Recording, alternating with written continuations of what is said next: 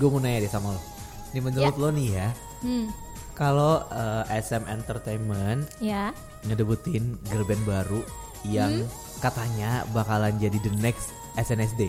Hmm, hmm, hmm. Nah menurut lo mereka bakal sukses sesukses SNSD atau cuman gimmick-gimmick doang bawa nama SNSD supaya menarik perhatian Gukmin Yorobundul alias masyarakat Korea Selatan? Gukmin Yorobundel. Oh, loh emang harus the next SNSD? Kenapa nggak ada the next FX, the next Red Velvet? Ah, Hmm, Iya kenapa? mungkin. Emang kan kemarin gosip-gosipnya kan ya, mereka mau debutin grup baru lagi yang the next NCT dan the next SNSD. SNSD, iya. nah. Nah. untuk menjawab pertanyaan lo kayak kenapa nggak ada the next FX atau the next Red Velvet?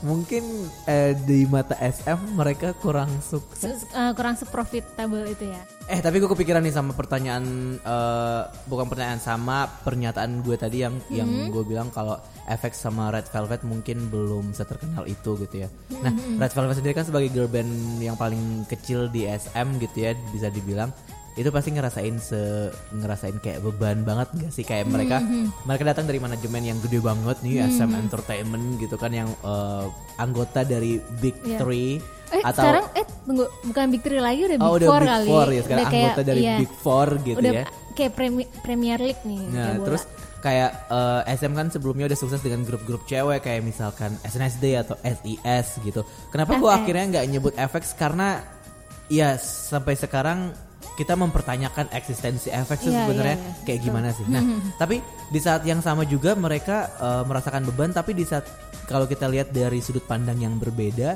em, sebenarnya Red Velvet ini bisa dibilang dapat keuntungan yang yang nggak dimiliki sama grup-grup lain di luar Big Three atau Big Four Iya, gitu. betul. Iya nggak sih? Iya betul banget. Kan apa? eh, sebenarnya debutnya itu kan eh, SM itu uniknya saat S, eh, sudah debutin SNSD, dia debutin dengan konsep yang berbeda yang nggak mencari the next-nya nih. Habis itu FX. Hmm, Betul. Habis itu Red Velvet yang udah punya apa? Ciri khasnya Ciri khasnya masing-masing, Dan kalau dilihat ya. memang SNSD ke FX dan juga ke eh, Red Velvet itu Iya. tuh tiga grup yang punya image yang beda banget, beda banget gitu ya. kan. Itu yang yang justru itu gue salutnya di, di situ di SM yang nggak nyoba SNSD 2.0 gitu. Oh, Oke, kita kalau misalkan mau agak-agak nyindir atau nyinyir gitu ya, Waduh, waduh, mungkin waduh, waduh. bisa dibilang kayak After 21 terus ada Blackpink yang Ya, yang kes- yang plek- yang plek plek-plek sama. sama, gitu Mm-mm, kelihatannya gitu ya gitu. Oke oke oke ngerti ngerti ngerti. Hmm. Nah, eh apa namanya selain itu kayak tadi kita ngebahas tentang eh, apa eh, sempat nying- menyinggung tentang keuntungan yang dimiliki oleh si Red Velvet nih, Iya. misalnya kayak misalkan Red Velvet eh, datang dari SM Entertainment pasti mereka eh, banyak yang mikir lah kalau misalkan fans-fans itu akan berpikir em, ini kan grup udah debut di bawah manajemen yang besar nih, Iya, iya. pasti otomatis mereka akan udah pasti, Udah pasti jaminan terkenal. terkenal lah ya, Iya. gitu atau jaminan menang di acara musik lah ya atau misalkan lo bisa dibilang dapat uh, big three privilege Wih, gitu ya. kan ya Privilege lagi apa? Lagi rame Lagi dengan rame, iya, istilah makanya. itu banget. Ah, Ah. bener bener Gue sering banget ngedengerin di timeline, uh, ngedengerin, ngebaca di timeline gitu Hmm. ya, kayak uh, ngomongin tentang privilege privilege ini Iya, dan iya, biasa iya. dan sering banget uh, ini dibahas sama Suatu uh, fandom ya? sebuah fandom enggak Ya. sebuah fandom Iya, sama iya. fandomnya um, BTS Yes, gitu iya, Army BTS yang Army. mereka yang mereka selalu bilang kalau Hmm. uh, grup-grup dari SM gitu itu sebenarnya dapat Contohnya privilege kayak EXO. EXO gitu ya, Ya dapat kan, uh, privilege big three atau privilege-nya SM gitu Iya. karena uh, ya mereka debut di se- sebuah perusahaan yang emang udah besar dari sononya nih gitu dibandingkan dengan misalkan mereka pasti membandingkannya dengan grup grup mereka sendiri kayak BTS yang baru-baru ini punya um, junior yang debut juga namanya TXT which is uh, sebuah grup yang juga langsung banget gede gitu Terkenal, kan iya. namanya. Ya itu gue juga gue sering banget baca di timeline Twitter kayak uh, udah sebut aja si fandomnya ya si Army itu kayak memang BTS itu pave the way uh, agensinya mereka. Jadi mereka terkenal di US dengan usaha mereka sendiri. Memang memang itu faktanya. Faktanya, Tapi kadang-kadang mereka suka me- agak meremehkan nggak meremehkan sih kayak sedikit side side eyeing kayak ya meremehkan ya istilahnya ya jadi kayak Hmm. misalnya mentang-mentang EXO sukses dapat desang lah kan dia dari Big Three wajar dong itu sukses padahal kan EXO juga pas waktu Hmm, oke, debut nggak tera- nggak terlalu terkenal gitu Sayangnya Iya. ada beberapa fans yang berpikir Iya, seperti bener, itu ya. sebagai Kita itu. kita Padahal- kita nggak memukul rata semuanya iya sih nggak semua sebenarnya. tapi kayak udahlah nggak uh, nggak perlu nggak nggak perlu dipungkiri ada fans-fans yang emang nyebelin jadi kita akuin aja gitu Hmm. termasuk di fandom kita masing-masing pasti juga ada yang nyebelin Betul, kan betul. kadang gue suka mikir ini nanti kalau BTS punya ade grup Hmm. ade grup itu mereka bakal berpikir seperti itu ya karena adanya pasti dapat privilege dong Dari Jadi, BTS iya, juga lu pada pasti akhirnya. ya BTS yang ngegedein dan pasti ada yang ngelewatin jalan yang udah di pave the way-nya itu Ah, oke. kan maksudnya agensi itu akan selalu apa uh, jangka panjang akan selalu bikin debut yang baru-baru gitu Hmm. dan pas TXT ini langsung terkenal oh nggak bisa memungkiri memang dasar apa mereka kecipratan popularitas, Popularitas dari dari, BTS, bener. iya. Nah makanya di episode kekoreaan kali ini nih kita bakal ngebahas uh, satu topik yang kita kasih judul Sunbe Sunbenim Privilege gitu. Wah.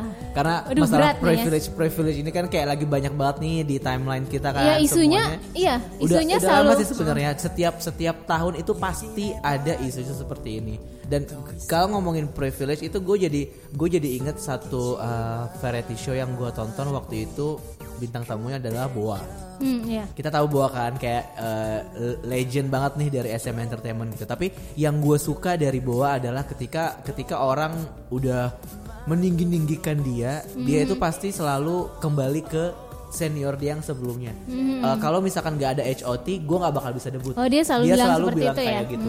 Dan dan menurut gue itu adalah sebuah apa ya kayak mental yang harus Humble, dimiliki yang pa- harus sama di- harus uh, idol-idol yang udah senior dan udah senior punya junior ataupun juga sebenarnya datang dari manajemen yang juga udah punya senior yang lebih terkenal Hmm, gitu.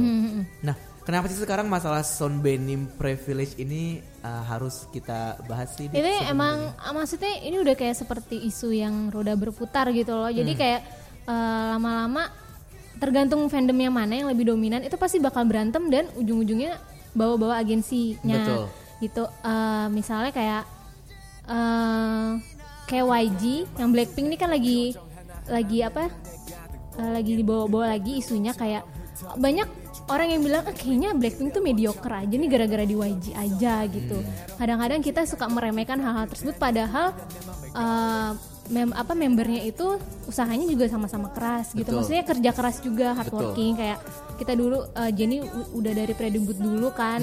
Jadi kayak kadang-kadang orang suka ah dia dari apa ah pantesan dia terkenal dari agensi gede gitu. Maksudnya jangan meremehkan hal-hal yang seperti itu karena mereka ujung-ujungnya eh, apa sama Tetap- kerja kerasnya betul. sama Iya. ya Nah, nih kalau misalkan kita ngomongin soal privilege, kalau Iya. menurut lo sendiri sebenarnya sebuah grup K-pop yang debut dari mm, manajemen besar itu sebenarnya dapat keuntungankah atau malah dapat beban? Kalau menurut lo? Kalau gue sih yang pasti dua-duanya sih.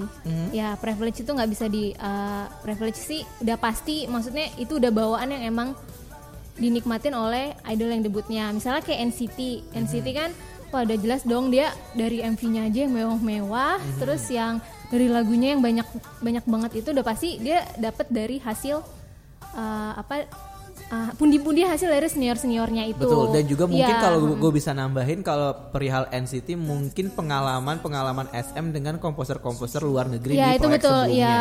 Karena nggak mungkin ujuk-ujuk NCT dapat eh, komposer eh, Swedish komposer nih kalau misalkan sebelumnya SNSD itu nggak pernah make atau mungkin eh, Super Junior nggak pernah make. Walaupun kita sama-sama tahu beberapa lagu Super Junior juga terkenal, Mm-hmm. ada juga yang eh, diciptakan sama produser-produser dari Korea misalnya. Mm-hmm. Tapi eh, beberapa lagu terkenal SNSD juga kayak misalkan Jenny gitu ya. Itu kan juga sebenarnya komposernya komposer Swedish. Jadi kayak kita udah sama-sama tahu nih eh, track recordnya SM Iya, tuh iya. dengan komposer Enak, luar iya, tuh di jadi kayak situ. gimana. Pada Iya. akhirnya NCT kecipratan lah gitu kan iya. maksud lo. Terus ya. juga NCT-nya kalau Big Three itu setahu gue mereka nggak ada utang ya untuk yang ke bawah-bawahnya itu karena mereka kayak saking udah besar apa eh, mungkin shareholder atau pemasukan profitnya Hmm. Big Three itu jadi mereka eh, s- eh, trainee pun diba eh nggak dibayar sih maksudnya nggak ada utang trainee kayak agensi-agensi yang masih Oh, gitu? kecil iya selalu gitu. Hmm, Oke oke oke. itu mungkin privilege yang orang-orang bakal kalau bisa saling membunuh antara trainee itu untuk bisa debut di agensi besar. Karena susah banget kan masuk agensi besar itu. Hmm. Dan mungkin Tapi, itu juga yang ya, pada akhirnya bikin trainee dari agensi lain jadi kayak iri banget ya sama ter- Iya nggak bisa dipungkiri ya. mereka mereka sirik kalau misalnya kayak gitu ya, kayak JYP dengan koneksi uh, di apa banyak member-membernya yang sering masuk variety show kan masuk variety show itu kayak nggak gampang kan kayak mesti gue nggak ngerti sih lo gimana punya apa. personality yang emang sangat unik Iya, banget gitu ha-ha. karena kalau kayak yang gue pernah gue pernah eh, apa namanya belakangan ini gue lagi seneng seneng banget nonton dan ngikutin em, apa namanya perjalanan karirnya Tiffany Tiffany Ya, SNSD Tiffany, di eh, di US gitu dan dan di banyak sekali artikel dia selalu menjelaskan bagaimana ketika dia em, struggle di Korea dia selalu berusaha untuk bisa jadi sesuatu yang unik dan dan dan istilahnya kayak dalam tanda kutip lebay gitu karena kadang-kadang kalau di variety show orang-orang yang seperti itu kan yang dicari gitu Iya, ya. iya. nyari personality yang gitu emang susah sih Iya, pokoknya enaknya juga di Big Three lo dapet kostum yang mewah-mewah, yang Betul. kostum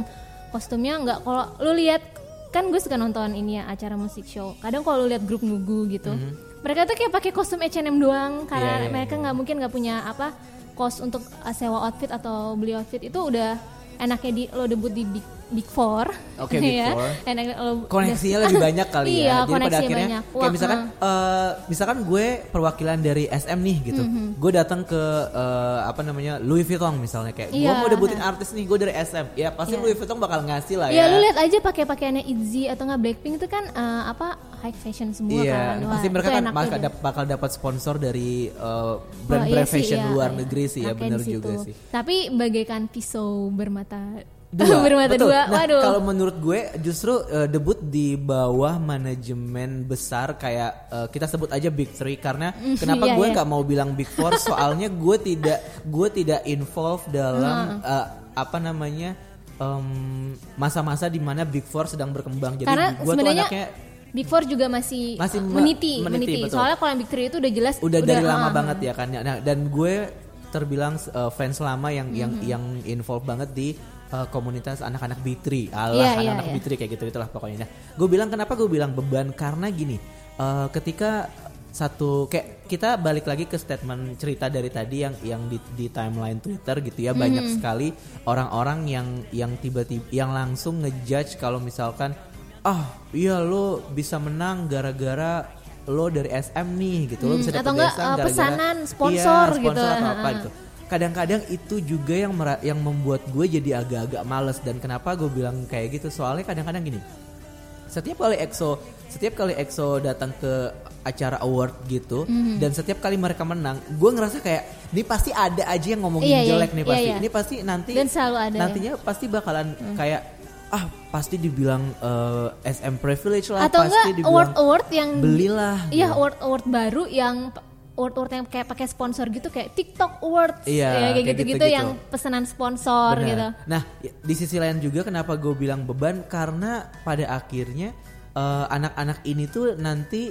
jadi kayak gimana ya? Burden. Mereka tuh mereka udah punya senior-senior yang udah sukses lebih dari Hmm. mereka. Jadi mereka harus bekerja lebih keras lagi paling enggak bisa menyamai ada Iya. di titik yang sama dengan senior Kalau mereka. iya, kalau misalnya mereka nggak nggak bisa menyamakan minimal itu selalu dikatain flop. Flop, iya kan, NCT flop. aja yang menurut gue ter, maksudnya terkenal ya, dikatain flop Betul. karena belum selevel EXO gitu. Betul. Dan dan kalau dibilang flop tuh kayak kesannya enggak kayak sih. kayak kasihan Iya, banget. nggak masih sih, banyak gitu. yang lebih flop dari masih itu. banyak yang bahkan orang-orang nggak nggak nggak tahu bahkan mereka debut gitu Iya, kan sebenarnya. Nah itu dia makanya eh, kita tadi bilang ini kayak dua mata pisau gitu di saat yang sama ini mungkin privilege tapi di saat di eh, apa di sisi lain juga ini jadi beban buat mereka karena kalau mereka nggak benar-benar eh, istilahnya komit Mm-hmm, gitu ya dengan dengan apa yang mereka lakukan itu bisa jadi malah nanti jadi bumerang ke mereka malah jadi kayak eh, grupnya malah tidak dilanjutkan lagi misalkan karirnya atau atau tiba-tiba hilang aja gitu. Karena eh, banyak kejadian juga grup-grup terkenal yang yang cuman gara-gara member doang nih. Iya, iya. gara-gara satu member doang pada akhirnya mengorbankan eh, popularitas atau mungkin karir semua isi dari grupnya kita lihat Tiara deh waktu zaman Mm-hmm. Oh, zamannya iya, iya. eh, Tiara kasusnya itu Huayong MBK, MBK, MBK ya Ya itu kacau sih. dulu namanya eh, core content Eh, media core content, kan. ya. Nah itu waktu zaman zamannya Huayong itu kan kita sama se- semua orang terpecah tuh kubunya. Iya, iya, iya. Sebenarnya bener gak sih Tiara ini jahat? Sebenarnya eh, yang jahat nih siapa sih sebenarnya gitu. Hmm. Pada akhirnya eh, orang-orang nyangkanya itu adalah si salah si sa- grupnya Iya, bully, disangka eh, bully di- kan. disangka bully akhirnya grupnya dinamanya jelek gitu padahal kita bisa lihat track recordnya Tiara sebagai grup juga kan sangat bagus banget. Ter- mereka bisa dibilang waktu itu trending grup banget Iya, eh, bahkan pada saat itu gitu sebanding dengan SNSD nggak sih yang di Betul Korea? popularitasnya gitu kan. Dan kalau dilihat dari seniornya juga gitu kan Tiara punya beberapa senior yang Ada- kayak kayak Davichi yang Oh, kayak iya, gitu itu mereka mereka Iya. udah udah Iya. terkenal juga uh, domestically terkenal Hmm. gitu kan. Cuman gara-gara satu member aja nih sebenarnya akhirnya malah jadi kayak gitu gitu. Iya.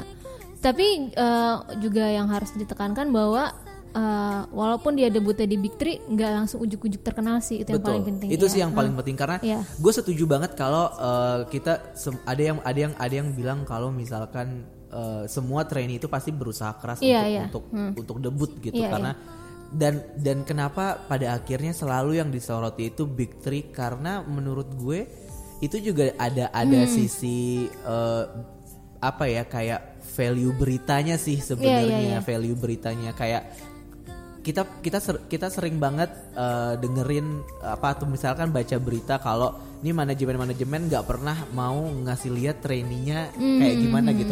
Tapi ada satu momen di mana semua big three itu mamerin Selalu trainee-nya. pamer, iya yang kalau SM lewat SM Bookies. SM Bookies. Waktu Kalau itu yang YG, YG sama sama JYP pernah co- collabs buat yang uh, winner dan ya juga ya acara icon kan, ya apa acara gitu-gitu. uh, uh, pre-debut show-nya Iya pre-debut mereka. show yang kayak waktu itu Day6 pernah dengan nama Five Live dan segala macam.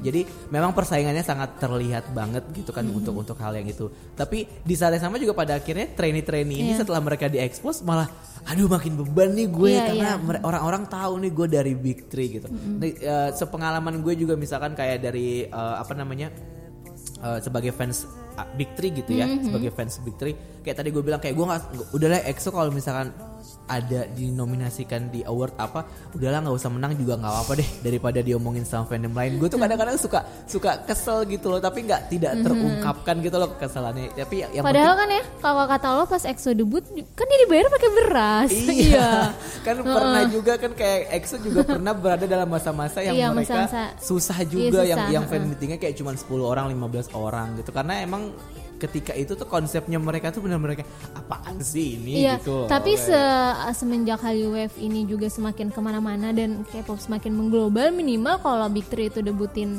suatu grup, exposure-nya pasti dapat minimal YouTube view, ya YouTube views-nya 10 juta ke atas. Betul. Itu baru debut. Walaupun lo nggak nge-stand, lo pasti bakal cari Tahu, tahu. Lo pasti bakal Dan- tahu dan- minimal kayak wah ini siapa nih? Cari maksudnya ngejudge aja dulu dari Ah, debutnya bener. gimana.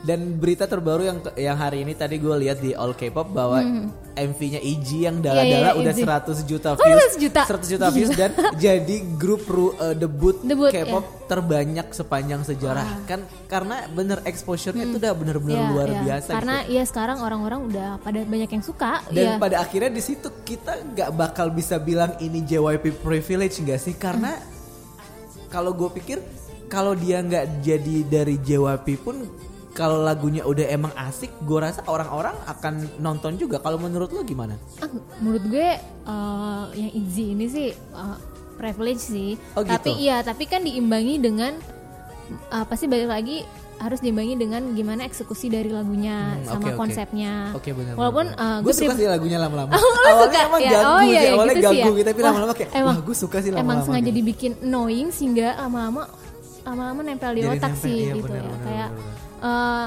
apa maksudnya kan debutnya mm, beda-beda ya ma- eh, eh, terkenalnya misalnya kayak Izzy wah sekali debut semua orang kayak tahu, Tahu. bahkan temen gue yang magel saja kayak bolak-balik nyetel Izzy mulu Iya, padahal iya, kayak iya, ya ampun nggak ada lagu lain gitu Dan dan sekarang tuh jadi gini. Iya. Jadi kalau kalau dulu kita selalu kita selalu bilang eh, kalau dulu tuh kayak eh, satu grup terkenal di Korea nih kayak misalkan Tiara Iya, iya, gitu iya. terkenal di Korea udah menang udah menang apa menang apa menang apa menang apa gitu ya tapi belum tentu nih terkenal di sini Iya, nah kayak- sekarang malah udah jadi abu-abu ya Iya, iya. sekarang apa yang udah hype di Korea itu pas bisa dibilang hampir pasti kita juga dapat nih hype-nya Iya Kayak atau enggak ini juga tapi kayak gitu. ada juga sih yang kebalikan kayak lebih terkenal di luar tapi di Korea Biasa masih aja. masih biasa aja kayak Hmm. Uh, debutnya Stray Kids, Bener-bener. NCT sih kalau menurut gue juga lebih banyak internasional fans fans ya. internasional, tapi kalau iya. gue bilang EXO juga dulu kayak gitu jadi itu lebih kayak internasional dulu ya. Ah, itu Iya, kayak iya. kayak Fase inside, ya. inside jokes banget dulu kita sama teman-teman yang suka EXO kayak Oh, oh, eh, kayak bilang apaan sih eh, SM tuh selalu nggak pernah mau bikin event Lagu di yang- luar atau apa gimana Oh, karena kebalikannya justru. Iya padahal di sini tuh fans mereka lebih banyak daripada di Korea pas awal-awal. Tapi kalau sekarang kita kita nggak bisa bilang kayak gitu Hmm. Iya. lagi karena mereka pasti udah gede banget di sana gitu. Iya termasuk eh, YG ini kan mungkin lagi fokus ke Blackpink ya. Eh, Blackpink yang kita tahu eh, pasar western tuh suka banget sama mereka. Betul. Bahkan lagu mereka yang baru ini yang Kill This Love banyak banget lirik Artis-artis Inggris dan, Enggak, iya, eh, lirik artis-artis luar Inggrisnya ngedengerin. iya kayak emang emang apa ma- dia emang target marketnya tuh emang US Emang kelihatan US banget kelihatan sih sebenarnya. heeh. Dan kayak ingat gak sih lo yang waktu zaman-zaman lagunya Blackpink ada di film Justice League ya kalau nggak salah. Iya, iya, iya, Yang iya. The Flash dengerin. As if it's your Iya. Majimak Corong kan itu kayak iya. wah ya sih emang kelihatan banget Iya. sih uh, YG-nya invest di situ banget sih. Ya buat- maksud gue walaupun uh, YG yang debut baru-baru ini kan winner sama Icon ya. Eh maksud eh nggak setahu gue tahun ini mereka rencananya bakal debutin grup baru Grup lagi baru. yang dari survival show-nya Ah, mereka. Winner sama Icon mah udah tua. Ah, oh iya maksudnya ya sama yang baru-baru ini ya. Rencananya tuh Treasure dan Magnum. Jadi mereka mau langsukin mereka Hmm. Ada kebiasaan YG, gitu kan. kebiasaan YG langsung debutin dua grup sekaligus. Kayak Icon dan White Iya. Winner maksud lo. Iya, iya. Walaupun itu nanti bisa jadi clash sih apa fandom yang nggak tahu. Tapi mereka tuh di bawah payung yang sama namanya Treasure 13 dibagi dua Treasure dan Magnum. Magnum, Walaupun gue belum tahu sih itu nanti gimana uh, eksekusi lagunya. Tapi orang-orang belum debut aja itu tuh udah banyak banget diomongin gitu loh. Hmm. Ini betapa enaknya kalau lu debut di Big Three. Big Three, Ba- betul, baru cuman sekedar apa postingan foto kayak di SM Rookies retweetannya udah 28 ribu Iya, udah ada iya, udah iya, ada iya. akun-akun apa fansite-nya. fansite-nya yang wah, udah iya sih. waktu TXT belum debut itu banyak banget kayak apa mereka tuh udah nge-lock akun name-nya gitu loh username Hmm, yang yang apa yang nanti kalau mereka debut gitu buat buat fan account fan accountnya tuh udah banyak banget kayak lu belum tahu lagunya gimana lu belum tahu personality-nya itu gimana berarti termasuk privilege dong. Nah iya jadinya. enaknya enaknya tuh kayak gitu. Iya, iya, iya. Eh, maksudnya grup-grup nunggu mana ngalamin sih yang kayak gitu Iya kan? betul betul betul. Iya. Eh tapi kalau kita ngomongin Big Three nih, kita juga punya satu kasus yang yang bisa dibilang agak beda nih dibandingkan yang lain. Kita udah ngomongin IG, IG udah terkenal banget 100 juta view gitu.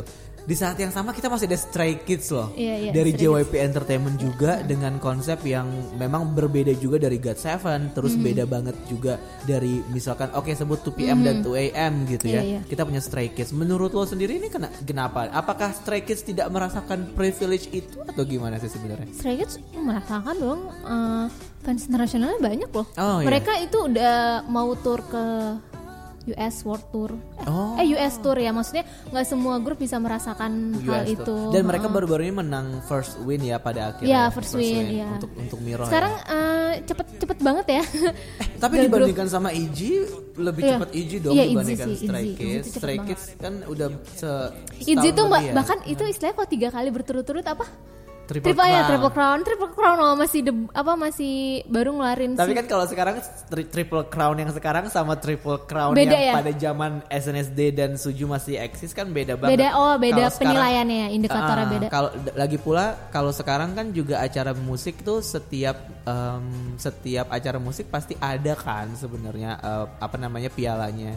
Kalau dulu itu kan kayak seminggu sekali baru ada satu piala jadi Iya, iya, nggak banyak dulu- piala yang mereka Ah, dapat. iya. Makanya triple crown tuh jadi lebih worthy pada pada masa Iya, itu. iya. Makanya sekarang kayak Iji udah berapa kali menang anjir baru juga debut kemarin gitu kan.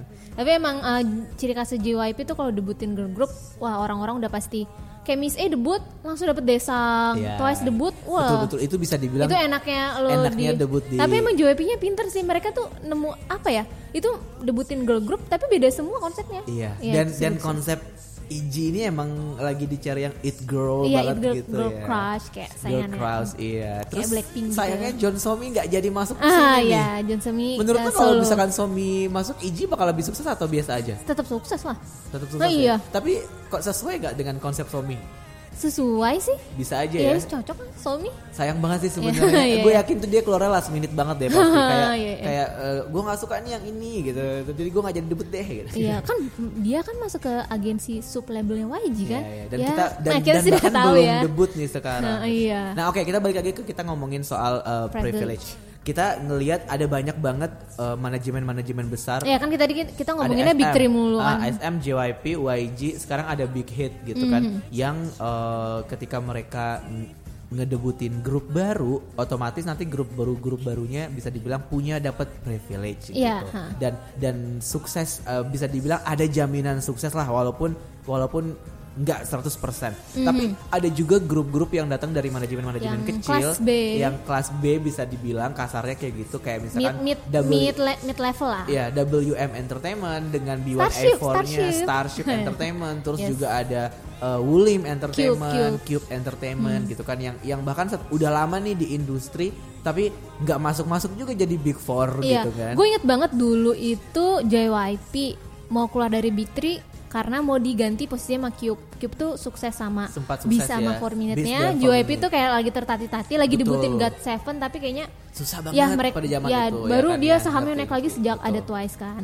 Jadi tuh eh, kalau yang mid level agensi ini dibilang dapat privilege sih pasti karena sebenarnya agensinya itu udah proper maksudnya Dan udah secara- dikenal masyarakat ya, juga. mungkin Hmm. secara eh, secara keuangan mereka maksudnya udah ada pengalaman tapi balik lagi tuh nggak menjamin sukses malah nggak Hmm. Kayak big three gitu Setuju. Hmm. Soalnya kalau kita lihat uh, B1A4 sebagai grup pertamanya Iya, iya, WM WM Entertainment gitu ya kan uh, kondisinya sama kayak BTS dengan big hitnya Iya, iya, nih iya, kayak betul, betul. uh, wah mereka bisa ngebikin manajemen mereka Iya, dapat jadi profit terkenal, dan iya. jadi terkenal. Pada akhirnya WM Entertainment berusaha Pas, untuk uh, ngedebutin girl group lah girl Oh My group Girl. dengan nama Oh My Girl yang orang-orang pasti Oh My Girl itu eh, sebenarnya terkenal Wah. oke tapi main kayak mid level aja Hmm, Ya. Makanya ketika Oh My Girl debut, orang-orang pasti akan langsung bilang kayak manajemen B1A4 mendebutkan Iya, iya, girl iya, band iya, ini, iya. iya kan pasti dibawa-bawa dong iya. manajemennya. Cuman ya kita nggak bisa nggak kita nggak bisa eh, menjamin itu juga bakal mereka akan jadi segede B1A4 Hmm, atau gimana. Sama halnya dengan kayak Infinite dan juga Loveless gitu. Hmm, Gue suka banget Loveless di awal-awal karena gue pikir hmm, konsep mereka Infinite tapi versi lebih cewek, versi Iya, iya, versi, ce- versi cewek dan Iya. versi yang lebih sweet gitu. Cuman ya kita balik lagi kayak wah Loveless comeback terus tapi ya udah B aja Iya, gitu kan iya. nggak nggak ada Po- popularitasnya ada popularitas yang nggak terlalu gimana nggak bisa nggak bisa semua grup itu harus sama popularitasnya kayak Twice sama Blackpink. Nanti yang ada kebanyakan eh, yang ada malah lu bingung sendiri emang kita tuh nggak bisa ngoyo. Gue pengen terkenal kayak apa pengen terkenal kayak Blackpink kayak Twice. Karena gue yakin eh, apa agensinya itu udah punya goal yang masing-masing minimal kayak lo stabil. Kan Loveless kan ini ya fanbase-nya besar kan di Korea. Yap. dia sering banget konser. Konsernya tuh selalu apa selalu sold out. Jadi kayak hal-hal yang stabil kayak gitu kalau menurut agensi udah cukup profit dia mungkin nggak bakal ngayo ayo harus debut di US harus debut. Loveless tuh kan nggak ada di pikiran mereka nggak ada tuh mau ayo ke World tour world tour atau kayak apa iya gitu di ya. Korea mereka sebenarnya udah cukup dan mereka sering banget tampil offline kan off air. Off air Iya itu udah menghasilkan banget sama kayak eh, apa eh, balik lagi kalau yang mid level ini enaknya agensinya itu udah ada pengalaman jadi udah tahu nih cara eh, mengaturnya apa cara dia nge-treatment agensi Artis- artisnya. artis-artisnya. kayak menurut gua kayak Starship itu oke banget sih nge-treatment Uju Sonyo sama Monsta X. Ya walaupun eh, popularitasnya di Korea nggak bisa langsung sama kayak Sistar gue inget banget Monsta X tuh selalu ini apa grupnya Sistar iya adiknya Sistar, iya gitu tapi ya. untuk misalnya kayak digitalnya eh, Monsta X masih susah tapi eh, tapi ditolong oleh fans internasional dan itu ternyata cukup profitable banget Hmm, dan pada Cukup- akhirnya iya. Starship malah melirik pasar internasional Iya, dan iya. bakal mulai diseriusin Iya, di situ, jadi itu kan. enaknya di mid tier itu kayak oke yang misalnya kayak Sistar eh, Sistar itu nggak menjual secara internasional. Oke, gue coba di grup selanjutnya. Kayak Hmm. apa ya? Kayak kekurangan yang yang sudah dilakukan dulu bisa diperbaiki di grup selanjutnya enaknya untuk mid level kayak gitu sih. Kalau gue Hmm. nangkapnya kayak Ujus Uju Sonyo sama Monsta X itu fandomnya menurut gue oke. Nggak kayak Sistar Sistar itu fandomnya yang Star One itu dikit banget. Mhm. Sistar tuh ibarat nggak punya fandom tapi orang tahu dia semua. Iya. Tapi nggak enaknya nggak ada nggak punya fandom itu yang bikin mungkin apa Starship melihat mencari apa mencoba formula yang baru gitu. Hmm. Tapi kalau menurut lo di sisi lain misalnya kita ngomongin soal uh, fan apa sound banding privilege di manajemen Hmm. lain kayak kita ada AOA, ada CN Blue yang punya grup bawah di Oh, iya, iya. junior Hmm. mereka ada SM9, FNC, ada FNC. N Flying, ada Cherry Bullet gitu. Hmm. Perjalanan mereka untuk kayak Cherry Bullet untuk menuju ke AOA ini kayaknya sama ya kayak awal-awal ketika AOA, AOA, juga iya, debut juga ha, ya kayak betul. masih be- bener-bener terseok-seok banget nih buat Iya, menuju ke and situ flying, gitu. and flying nggak bisa si N Blue sama FT Island debut kan langsung terkenal ya. Hmm, dan mereka Iya, gede juga di iya. Korea iya, di Jepang iya, Iya, gitu kan. and flying butuh waktu yang lama, tapi uh, waktunya itu kayak worth it gimana ya? Emang butuh sekitar tiga tahun kan dia terkenal nih baru baru baru banget ini ya and flying. Karena gara-gara ada member baru dari Produce One Hmm. Iya itu ditambah itu uh, lagunya sempat viral di komunitas Korea. Jadi kayak uh, apa ya? uh, pelan-pelan sih maksudnya agensinya itu mungkin nggak bisa nge-treatment yang sama seperti waktu si N- dia nge-treatment si Blue dan FT Island pasti Kalau beda lagi gue- strateginya. Kalau menurut gue si manajemen ini juga bener-bener harus yang kayak apa ya eh, strateginya memang memang beda. Hmm. Tapi di saat yang sama mereka juga butuh dalam tanda kutip kayak kesabaran gitu nggak iya, sih? iya, Karena kan ada manajemen-manajemen yang jor-joran banget di awal tapi abis itu ya udah bye Iya iya. gitu. Hmm, ya seperti Pledis. Sedih Iya. banget ya kayak Pristine. Iya. Kayak gue gue banget gitu. Omongan After school iya. sayang banget Omongan ya kan. gue yang bilang agensi bisa belajar dari grup sebelumnya itu tidak diaplikasikan sama Pledis sih. Kayak Pristine tuh sayang banget mom Padahal momentumnya udah hilang. gitu ya, Iya, Pak, udah hilang sih. potensial, uh, Untung masih dijaga banget sama Seventeen sama Nues masih masih Seventeen ya jadi gede banget sih sekarang. Nah terus kita juga kita juga sekarang ada satu kasus lagi yang unik juga gitu ya kayak dari manajemen-manajemen yang bisa dibilang baru Hmm. Iya, iya. satu grupnya nih tapi bisa langsung booming gitu. Iya, iya. Kita punya uh, mamamu di situ. Mamamu. Kita punya RBW. uh, ya, ya akhirnya punya mamamu punya adik kan? Adik iya benar. Ya, Wanas. kita punya Gfriend juga di Iya. situ ya kan yang Gfriend yang datang dari manajemen dengan nama Source Music yang Iya. kayak pas pas dia debut, hah ini manajemen manajemen apa ya gitu Iya, kayak iya. agak-agak bingung juga gitu. Tapi pas dilihat ternyata dilihat Iya, uh, kalau lu perhatiin backgroundnya ya. gitu ya. Kalau perhatiin uh, grup-grup yang debutnya yang dari Nugu, misal company yang Nugu yang belum terkenal, tapi kalau debutnya men- menarik perhatian, minimal orang-orang besar di perusahaannya itu udah lama berkecimpung di di, entertainment, entertainment industry, kayak ya iya, benar-benar. kayak, misalnya misalkan Source si Music sih. Source Music ini misalkan yang ternyata iya, bekas dia dulu bekas JYP ya. Uh, uh, dan dia Staff JYP. dan pernah kerja sama sama si uh, Bang Sihyoknya Hit Iya, Entertainment iya. buat ngedebutin apa bikin manajemen bareng tapi Mhm. ke- yang kita baca di artikel ternyata memang Bang Sihyok emang kapok nih ngedebutin Iya, girl band girl band gara-gara sama glam. gitu Iya. karena kasus segala macam akhirnya dia Pisah, narik ha. uh, pisah pisah kongsi si uh, Source Music narik trainee-trainee ceweknya buat Iya, di ha. Gfriend Jadi, dan akhirnya Bang Seyuk stay dengan Big Hit Entertainment yang uh, ngebesarin BTS gitu. Iya, jadi tuh agensi-agensi yang sekarang itu bisa apa bisa dibilang tuh pemain lama semua, termasuk kayak si Starship, gue lupa sih. Dia tuh uh, dari SM atau dari mana gue lupa. Pokok maksudnya uh, jadi makanya hasil hasilnya bagus. RBW juga uh, apa? Uh, yang punyanya itu udah lama berkecimpung di industri entertainment kayak lo lihat kalau debutnya sama Mamu tuh banyak cameo cameo yang terkenal kayak Betul. Rhymer lah atau Eh ah, pernah ada Jung Jun Yong juga loh di nah situ. iya kan jadi kayak Aduh udah semoga solar. ya, maksudnya eh, ma- apa enaknya tuh di situ yang apa Mereka udah punya pengalaman, Iya, udah punya mereka pengalaman, tahu iya. industri kayak gimana, Iya. orang-orang butuh grup yang seperti apa. Ya, Sekarang mereka nggak iya. buta-buta banget ya gitu sekarang ya. sekarang sih agensi-agensi udah kayak oh gue udah sukses di JYP gue mau bikin agensi baru ah. Berarti itu bisa kita kategorikan sebagai privilege tapi dalam dalam dalam privilege ke si ininya ya CEO-nya ya CEO-nya iya udah punya apa eh, koneksi duluan Betul, gitu. punya koneksi duluan. kayak lo tau eh, grup 80s gak sih yang lo bilang wah ini kok viewsnya banyak banget. Hmm. ya 80s itu. Jadi tuh dia agensinya KQ Entertainment Mhm. ternyata tuh dulu yang sempat megang blog B gitu Ah, karena nggak ada yang tahu kan oke. makanya gue kok ini oke banget konsepnya ini nggak mungkin sih ini nggak mungkin orang baru Ah, oke, maksudnya oke. agensinya itu orang baru ternyata mereka sempat ngehandle blog B walaupun kayak beda beda perusahaan tapi kayak masih di bawah payung yang sama gitu Hmm. Pantesan si Etis banyak banget promosi di luar negeri Nah juga iya ya. mungkin dia Video-video mengincar YouTube-nya itu, mengincar Blok B kan lebih terkenal di Korea, jadi mungkin mereka. US market Wah. thanks to BTS Iya. for this US market. eh thanks to Psy dong. Oh iya, thanks Psy to juga. Wonder Girls. Eh, thanks to Rain. juga loh, Rain, Thanks, Rain, uh, Rain juga loh ya. Nah, itu kan tadi pendapat-pendapat kita nih tentang Iya. uh, privilege, sound banding privilege. Kita juga uh, punya pendapat-pendapat dari netizen, uh, Iya, anak-anak Ava K-pop ya, yang kita temukan dari akun Axman Fest. Nih, jadi pertanyaannya adalah kita pengen tahu opini mereka kalau grup K-pop yang debut di Mhm. Iya, bawah manajemen yang yang udah punya senior terkenal, apakah grupnya punya jaminan terkenal atau malah beban? Nah, Iya, ini jawab beberapa jawaban dari mereka nih ya. Dari uh, Ed Ayondan, mereka bilang Eh, dia bilang jaminan Hmm. buat terkenal sih enggak, tapi kalau kesempatan buat lebih dikenal iya. Dan bebannya juga mereka lebih berat karena harus siap dibanding-bandingin gitu. Punya Oh, iya. senior yang super nggak ngejamin lo super juga. Iya betul Wah, betul. Cerdas banget ya jawabannya. Ada lagi nggak Dit? Oh ya, oke gue yang baca ya. Iya dong. Tadi lu baca yang mana? Ayondan ya? Iya. Kalau gue dari aduh namanya nama nickname-nya aja ya Reru. Dapat jaminan terkenal ya gitu tekanannya harus menjaga nama baik. Agensi sama senior gede yang bikin agen- agensi mereka gede. Contohnya TXT, beban mereka ya harus jaga nama baik Big Hit sama BTS. Misalnya aja mereka buat ultah di ma- eh mereka buat ulah di mata publik yang nggak baik yang kena bukan nama mereka doang, agensi sampai senior pasti kebawa. Wah ini bener banget sih. Iya, iya, iya, Iya. iya, iya.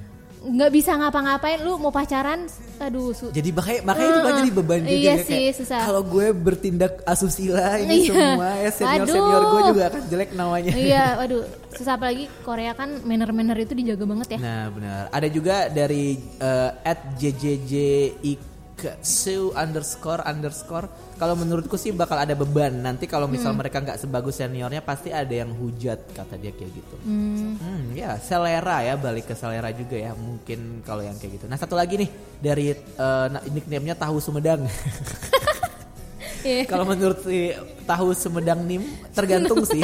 Menurut gue malah lebih berat daripada dari agensi di mana sebelumnya yang belum terkenal karena mereka harus bisa menyetarakan atau bahkan melebihi senior mereka dan uh, buat debut di agensi ternama itu juga nggak gampang by the way. Ya, Iya. Tapi seperti yang kita Ya, bilang tapi tadi ya. tapi gue juga mau nge apa? Mau menekankan bahwa agensi yang dari kecil itu sebenarnya kerja keras Ya, juga sih iya lebih- iya lu lebih-lebih nggak kali ya. terkenal lu pasti basking basking event yang lihat cuman dua tiga lu kayak EXID dulu tuh sedih iya, banget kan sedih banget. Enggak, gue Iya. tuh suka banget deh sama eh, perjalanan-perjalanan Iya, iya. Kalau dari agensi kecil ya, agensi-agensi ha. kecil kayak lebih enak. EXID.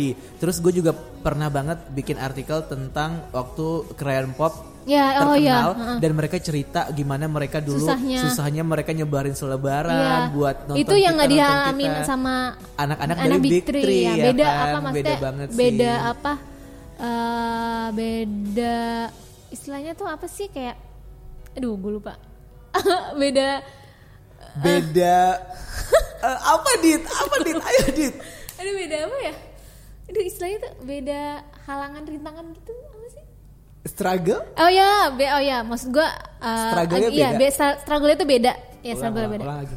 oh ya jadi eh, bedanya gimana ulang cut Eh, Oke kat bedanya agensi kecil eh, grup yang dikut dari agensi Keren pop. kecil. Oke. Oh yang kayak Crayon Pop kan, yang mereka tuh dari basking-basking gitu. Hmm. Iya. Hmm. Iya, struggle-nya tuh beda-beda yang antara dari agensi besar dan agensi kecil. Kalau agensi kecil tuh lebih miris sih. Kayak gue lihat, oh gue nonton dokumenter Zea dan Nan Muses. Ya Allah itu mereka tuh udah kayak apa ya? nggak dapat makan, susah banget Iya, makan beli bener, sendiri, ngurus-ngurus apa-apa sendiri. Terus kalau kayak apalagi kalau agensi kayak aduh gue lupa tuh agensi grupnya Stellar itu lo mesti datang ke acara-acara yang enggak acara-acara off air yang nggak jelas yang mana lu tampil yang dalam cuaca dingin Iya. itu kan nyiksa banget Sedih ya sedih, Ya sedih. Dan kemarin yang si Hyomin waktu datang ke uh, Knowing Brothers juga Iya, dia iya. pernah bilang kalau pas Tiara masih belum terkenal, masih Iya, iya. belum era uh, Bibo Bibo Iya, itu, Bang. ma- dia pernah dibayar pakai tisu toilet kan Iya, iya, sedih ya. aduh struggle-nya beda jadi kalau agensi idol yang bisa debut di Big Three itu bersyukur banget lo udah dapat udah dapat apa ya istilahnya eh, Privilege benar. iya udah dapat privilege. ses- apa yang pasti yang udah udah secure ada minimal jaminannya ya secure, ada jaminan betul, ada secure, uh-uh. gitu.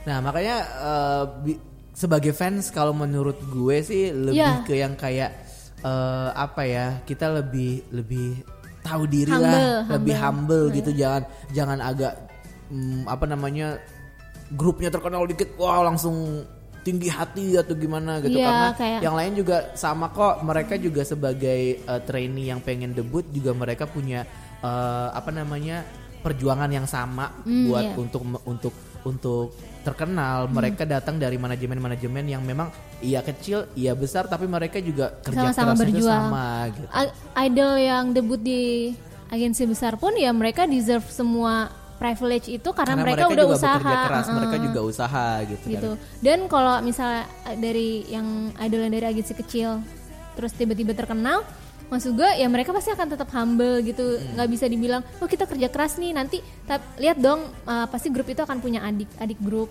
bakal punya bakal punya Junior. eh junior yang bakal punya junior yang mereka tuh mungkin ibaratnya en- enaknya tinggal wah tinggal jalan apa yang sudah mereka raih tapi kan mereka kan ha- eh, ada beban yang harus apa megang tongkat estafet dari dia gitu loh Betul. yang belum tentu semua bisa sama larinya bisa maksudnya bisa sama hasilnya dengan seniornya Ya, dan benar kayak kita eh, kita bisa bisa bilang kalau anak-anak ini tuh nggak bisa dapat privilege ini Iya. begitu aja Iya, karena iya. semuanya pasti ada kerja Iya, keras iya. di balik itu ya kerja keras mereka sebagai grup, mereka sebagai individu, mereka sebagai anak baru, tapi juga kerja keras eh, seniornya, terus juga kerja keras manajemennya Iya, iya, gitu iya. kan. Jadi intinya nggak usah banding bandingin siapa yang lebih kerja keras semuanya sama sih Semuanya gue. sama Ya, kerja tapi keras dengan ya. struggle yang berbeda-beda Betul, setuju banget. Ya. Jadi kita harus mencapai sebuah konsensus bahwa Iya, yang iya. pave the way to Amerika adalah Ya, Rain.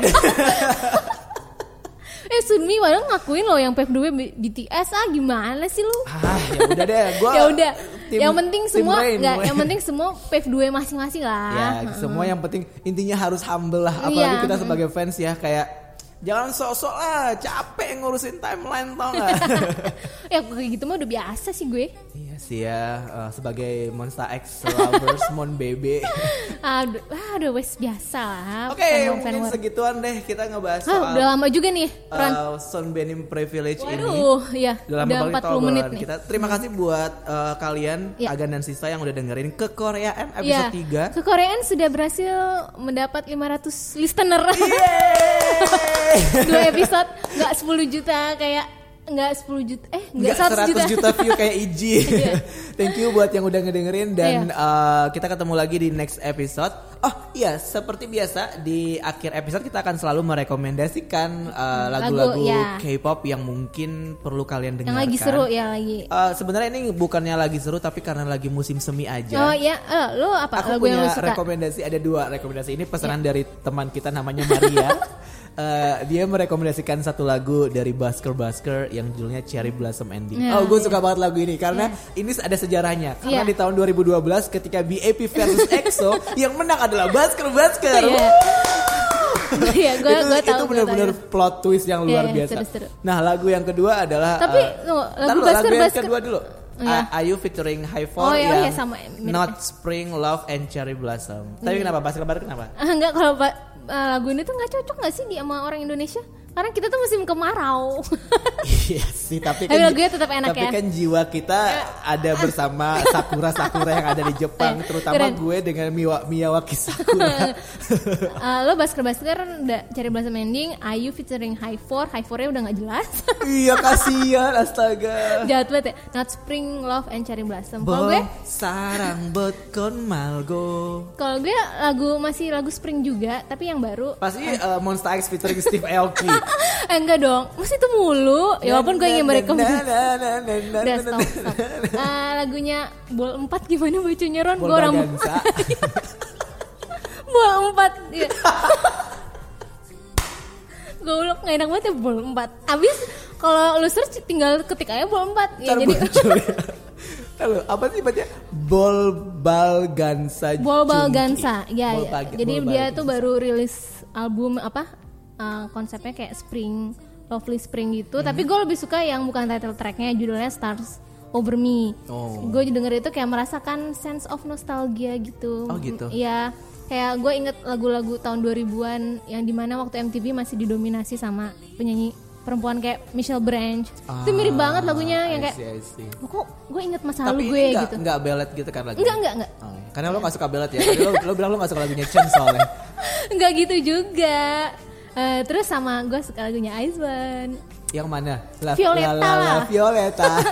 ya, gue seneng lagu ini. Menurut gue eh, produs ini sudah menemukan formula yang tepat. Mhm. Mungkin setelah IOI dan One One dia coba-coba, menurut gue Iceman ini dapat banget sih konsepnya. Oke, pertanyaan penting sebelum kita selesai. Ya. Lo bakal nonton Produce X101 gak? Wah, wah iya, nonton gue dong. juga bakal nonton karena gue pikir kayak gue udah melewatkan hype tiga grup sebelumnya jadi Iya, iya. kayaknya yang ini gue akan nonton. Kenapa? sih. Karena eh, lagunya Monster X itu dijadikan salah satu evaluasi lagu eva- evaluasi. Oke, lagu- segitu dulu Nah, jadi hari enggak, ini. enggak, enggak, enggak, Bye, sampai jumpa minggu depan. kan gue pengen promo. 봄바람이 날리며 흩날리는 벚꽃잎